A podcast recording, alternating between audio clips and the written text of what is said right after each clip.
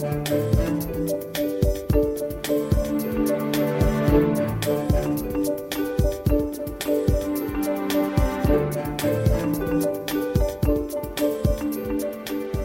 Bodziuk, dzień dobry. To jest e, program Szczerze o Pieniądzach. W studiu gość Aleksandra Gatowska, prezes PZU Życie. Dzień dobry Pani Prezes. Dzień dobry.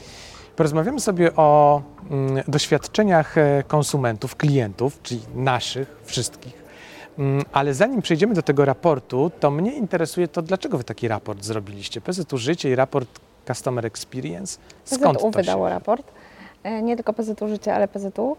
E, Stąd, że tak naprawdę od zawsze interesujemy się naszym klientem i dlaczego sprawdzamy, w jaki sposób e, zmieniają się tak naprawdę przyzwyczajenia, oczekiwania, potrzeby klientów, oczekiwania co do sposobu obsługi. No stąd, że e, my teraz w dużej mierze jako klienci, mówię teraz Mhm. też o sobie jako kliencie, e, budujemy te oczekiwania w oparciu o doświadczeniach w różnych branżach. Je, tak naprawdę każdy z nas, jeśli ma jakieś oczekiwania, to nie patrzy tylko i wyłącznie w obrębie jakiegoś, e, jakiejś branży, tylko e, budujemy je zarówno w streamingu, e, w usługach internetowych, w e-commerce, więc też wiemy, że nasi klienci ubezpieczeniowi, ich oczekiwania się zmieniają i my też musimy tym e, oczekiwaniom sprostać. A Stąd też zainteresowanie tym tematem. Jak Pani patrzy w ogóle na gospodarkę polską, Mhm. na polskie firmy, mm, to czy przedsiębiorcy zdają już sobie sprawę z tego, że badanie tych doświadczeń klientów albo wychodzenie naprzeciw im oczekiwaniom jest ważne dla firmy, dla ciągłości działania, dla pozyskiwania Mhm. przyszłych klientów, dla utrzymywania przychodów? Czy to jest jeszcze trochę tak, że a, doświadczenia klientów, no jakieś tam są, ale Mi się wydaje, że zdajemy sobie od dawna sprawę, stąd same powiedzenia klient nasz pan, klient ma zawsze rację i tak dalej, No, To, i to tak prawda, dalej. są takie powiedzenia, tylko czy my Aczkolwiek, tylko mm, mówimy, czy rzeczywiście przekładamy, czy podchodzimy do tego poważnie?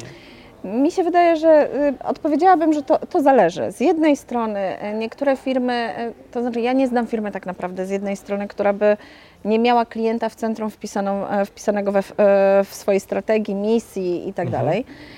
Z drugiej strony pytanie, czy rzeczywiście jako klienci zawsze się czujemy e, traktowani e, w taki sposób, że jesteśmy w centrum e, zainteresowania poszczególnych firm. Myślę, że klienci teraz wymuszają trochę tą zmianę, a z drugiej strony też kwestia tego, że my tak naprawdę oczekiwania mamy bardzo duże, stąd e, choćby e, cały trend e, hiperpersonalizacji, omnikanałowości i tak Mhm. dalej, i tak dalej. Ale oczywiście to są pewne narzędzia właśnie doświadczeń klienta. I myślę, że tak, że się interesujemy. Pytanie, bo Pan wspomniał też właśnie o mierzeniu. Pytanie, czy potrafimy to jeszcze zmierzyć i sprognozować. Myślę, że to jest jeszcze przed nami, jako w ogóle rynkiem konsumenckim. E, Ale mnie cieszy to, że zaczynają się e, tym tematem e, firmy technologiczne interesować, co zresztą w naszym raporcie też było widać, bo czy taki partner jak Google czy Brand24, myślę, że właśnie o tym świadczy. Mhm. No i zobaczymy. Wydaje mi się, że coraz więcej klient, klientów też, ale przepraszam, ale firm będzie stawiało na to doświadczenie klienta. Tak, zadałem to pytanie trochę tak może prowokacyjnie, bo z własnego doświadczenia, Mhm. zaraz przejdziemy do tych wyników, ale dobrze Pani pewnie też wie, że e, trafienie na przykład e, na jakąś automatyczną obsługę, jeżeli Mhm. chcemy się gdzieś dobić, już specjalnie Mhm. używam tego słowa, Mhm. na infolinię i słuchanie z automatu. Rozumiem, że chcesz połączyć się z osobą, Mhm. ale ja, automatyczna sekretarka, Mhm. na pewno Ci pomogę. Powiedz o co Ci chodzi. Mhm. E, Albo niedostrzeganie tych potrzeb y, y, klientów, no to jest jeszcze mimo wszystko, może nie tyle powszechne, co bardzo łatwe do tego, żeby na to trafić. Mhm. Czy mi się wydaje, że stety, niestety czasami e, błędna jest interpretacja e, tych oczekiwań i potrzeb klienta. E, Podam przykład właśnie, e, trochę rozwinę go e, Mhm. a propos tego dobijania się, czy tam na infolinii, czy no, głównie na infolinii tak naprawdę, czy na czacie. Tak naprawdę każdy z nas chciałby być traktowany z szacunkiem, z życzliwością, no tak po ludzku, prawda? No i pytanie, czy tam, gdzie czasami są używane automaty, czy to jest to oczekiwanie człowieka, czy raczej firmy, która chce zminimalizować koszty.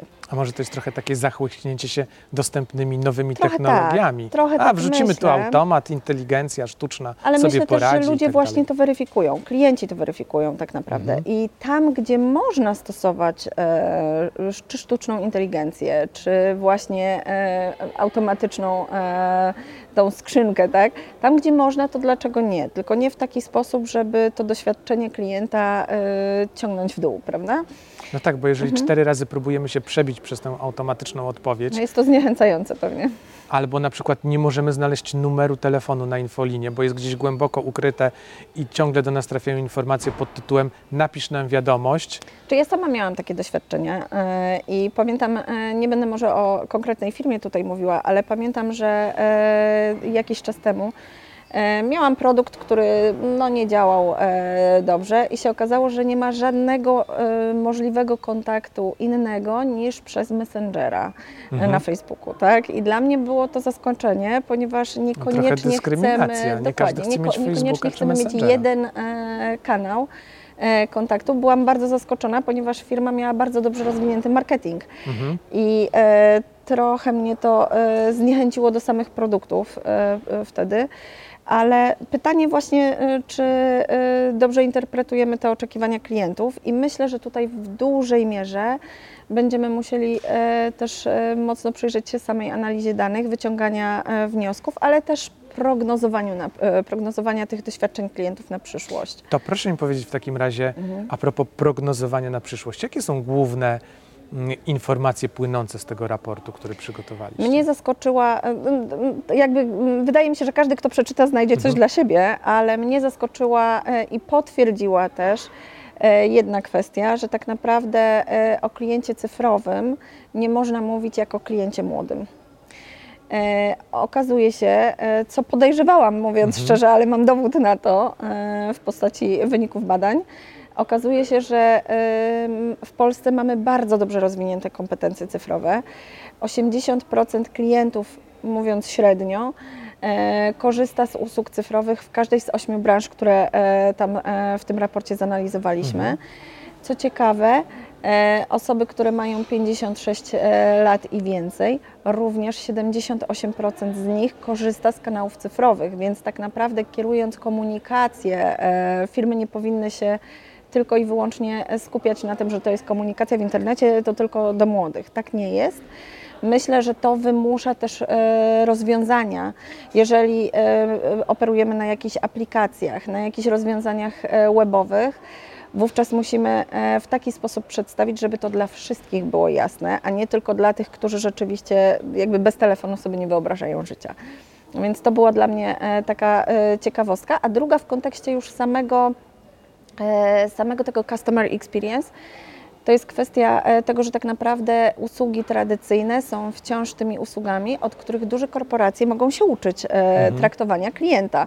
I oczywiście, że będziemy mieć inne narzędzia, będziemy mieć e, inne systemy. No, w tych wielkich firmach to są potężne systemy, potężne procesy bardzo często. Wielość osób, które tym zarządza. W mniejszych, e, tradycyjnych usługach, e, no to zazwyczaj e, jest po pierwsze mniej ludzi, te kontakty są bezpośrednie, więc trochę to inaczej wygląda, ale rzeczywiście jest e, duża różnica między e, zadowoleniem i e, oceną tego pozytywnego doświadczenia e, klienta wśród usług tradycyjnych do e, usług ogółem. Jest to ponad 10%. e, Tutaj mówimy o 76%. e, 76% ludzi jest zadowolonych z e, usług w ogóle i ze swojego doświadczenia, zaś w e, tradycyjnych e, usługach jest to prawie 90%. Mhm. Pani prezes, a proszę mi powiedzieć, czy e, u nas ta granica przed sprzedażą a po sprzedaży już się zatarła, czy jeszcze to jest trochę tak, że my o tego klienta walczymy, dopieścimy go, zanim on nie podejmie decyzji zakupowej, a jak już potem podejmie tę decyzję, no to tak, no mamy go, okej, to już Znaczy, możemy trochę Wiadomo, że zależy od firmy, od branży, aczkolwiek rzeczywiście e, myślę, że już nie jest aż tak jak kiedyś e, właśnie ta e, różnica ka- taka duża. Ona jednak mimo wszystko jest. Jeżeli prawie 70% e, osób mówi, że gdzieś zastanawiało się przy pierwszym użyciu produktu czy przy pierwszym korzystaniu z usługi, co tak naprawdę powinien po kolei Mhm. e, zrobić. To znaczy, że nie dostał do- wcześniej e, taki klient e, wystarczająco dobrze sprecyzowanej informacji. I myślę, że to jest właśnie ta informacja, która powinna się pojawić albo zaraz po zakupie, albo w trakcie, ale na pewno nie powinniśmy utrudniać temu klientowi rozpoczęcie przygody z naszą spółką, tak? w którejkolwiek byśmy nie byli. A mm, czy jest coś, co nas najbardziej zniechęca do konkretnych firm, czy do, do jakichś firm? Czy jest coś, czego naprawdę nie lubimy albo działa nam mocno na nerwy, że jesteśmy w stanie powiedzieć, ok, więcej do tej firmy nie przyjdę, bo nie robi tego, tego i tego? To ja zacznę może od końca, czyli od ewentualnej rezygnacji z usługi czy z produktu. Jeżeli firma e, utrudnia klientowi rezygnację e, z tej współpracy, z, z relacji e, z nim, to tak naprawdę traci go Na zawsze? prawdopodobnie na zawsze. Jeżeli nie utrudniamy tej rezygnacji, bo klient może wybrać inną e, usługę lub właśnie coś poszło nie tak, Mhm. no, jakby jesteśmy też tylko ludźmi, prawda? I coś w procesach zawsze może pójść nie tak. I jeżeli nie utrudniamy, to klient też e, to ocenia pozytywnie. Czyli jeszcze wręcz pomożemy i powiemy, ok, tak się rozwiązuje umowę, trzeba wypełnić to, tamto, siamto, albo To to oddać procentuje. produkt, zapraszamy w przyszłości, może będziemy mieli Tak. coś innego, tak? Tak? I wtedy e, ten klient nie zamyka się na nas na zawsze. Jeżeli No, tylko czy utrudniamy, pracodawca, czy firma to Mhm. rozumie dzisiaj? No to jest też... E, Myślę, że coraz więcej firm e, rozumie i to Mhm. jest e, obiecujące na pewno na przyszłość. A drugą rzeczą, którą wydaje mi się, e, o której trzeba pamiętać, to jest kwestia dostarczania odpowiednich informacji. Jeżeli one są niekonkretne, jeżeli one są e, pisane z poziomu eksperta, czyli e, ja jako pracownik firmy dużo wiem na temat czy produktów, czy usług i tak tak Mhm. dalej, to tak naprawdę się wymądrzam przed tym klientem, zań- zamiast mu e, dać konkretne informacje w, w takiej zjadliwej formie dla niego, tak? Więc wydaje mi się, że tutaj e, sposób podania informacji, żeby ona była rzetelna, e, komunikacja była prosta, żeby e, ta komunikacja też e, dostarczała wszelkich potrzebnych informacji. Myślę, że to bardzo pomaga, ponieważ akurat ten brak tych informacji na różnych e, poziomach ścieżki, ścieżki e, klienta wychodzi jako e, ten, który powoduje niezadowolenie. A czy my myślimy, a propos tego, co Pani mówi, Mhm. może to też było badane, a może będzie, na przykład e, jak wygląda częstotliwość tej informacji, bo wie Pani, czasami są takie firmy, które są zbyt, y, no są nadgorliwe i wiem, raz na tydzień, raz I na to dwa. też może być e, no denerwujące, no oczywiście. Tylko właśnie. pytanie, czy to jest wtedy e, tak naprawdę e, miarodajna i dobra, profesjonalna informacja. Dlatego, że jeszcze, jeśli zalewamy klienta jakimiś informacjami, to pytanie, czy jest mu to potrzebne. Jeżeli Mhm. nie, to znaczy, że właśnie przesadzamy. No można przesadzić w jedną albo w drugą stronę, prawda? I wydaje mi się, że tutaj jakiś tam umiar jest potrzebny i też kontakt z tym klientem po prostu, żeby mm, właśnie też e, to jest kwestia analiz, co dla nas jako firmy jest też e, ważne, co nie. E, I jeżeli klient nam sugeruje, czy wręcz rezygnuje z newslettera, czy z czegokolwiek, nie chce mieć tego kontaktu, to też to powinniśmy uszanować. Mhm. A jak Pani myśli, tak patrząc już ogólnie, Mhm. może niekoniecznie tylko na bazie raportu, czy my jesteśmy wiernymi klientami? Jeżeli coś nam się podoba, to my pozostajemy przy marce, czy raczej szukamy nowych Jesteśmy doświadczeń? wiernymi klientami. Jesteśmy wiernymi klientami, lojalnymi. I co ciekawe, ja bym jeszcze jedną rzecz e, dodała w ogóle do tych wątków, które e, poruszyliśmy do tej pory, ale właśnie a propos lojalności. Jeżeli coś nie pójdzie w jakiejś firmie i dojdzie na przykład do reklamacji, zanim tej rezygnacji, Mhm. jeżeli tutaj zachowamy się po ludzku, to bardzo często mamy do czynienia e, z taką sytuacją, kiedy tak naprawdę z e, klienta niezadowolonego klient staje się naszym ambasadorem. Bo Mm, sprawdza Czyli nas w możemy boju. zapunktować. Oczywiście, że tak. Sprawdza nas w boju i wie, że sobie poradzimy i że przede wszystkim on będzie wiedział, w jaki sposób ma przejść przez tą ścieżkę podczas sytuacji, która może, no może coś się wydarzyć, że może nam nie pójść coś jak, e, jako firmie. Tak jak mówię, no, tutaj pracują zawsze ludzie i po ludzku może coś nie wypalić. Mhm. To Pani Prezes, jeszcze jedno pytanie na koniec, takie podsumowujące e, naszą rozmowę. Zastanawiam się, czy, bo ten Wasz raport jest ogólnodostępny, każdy Tak. może sobie zajrzeć, przeczytać, popatrzeć.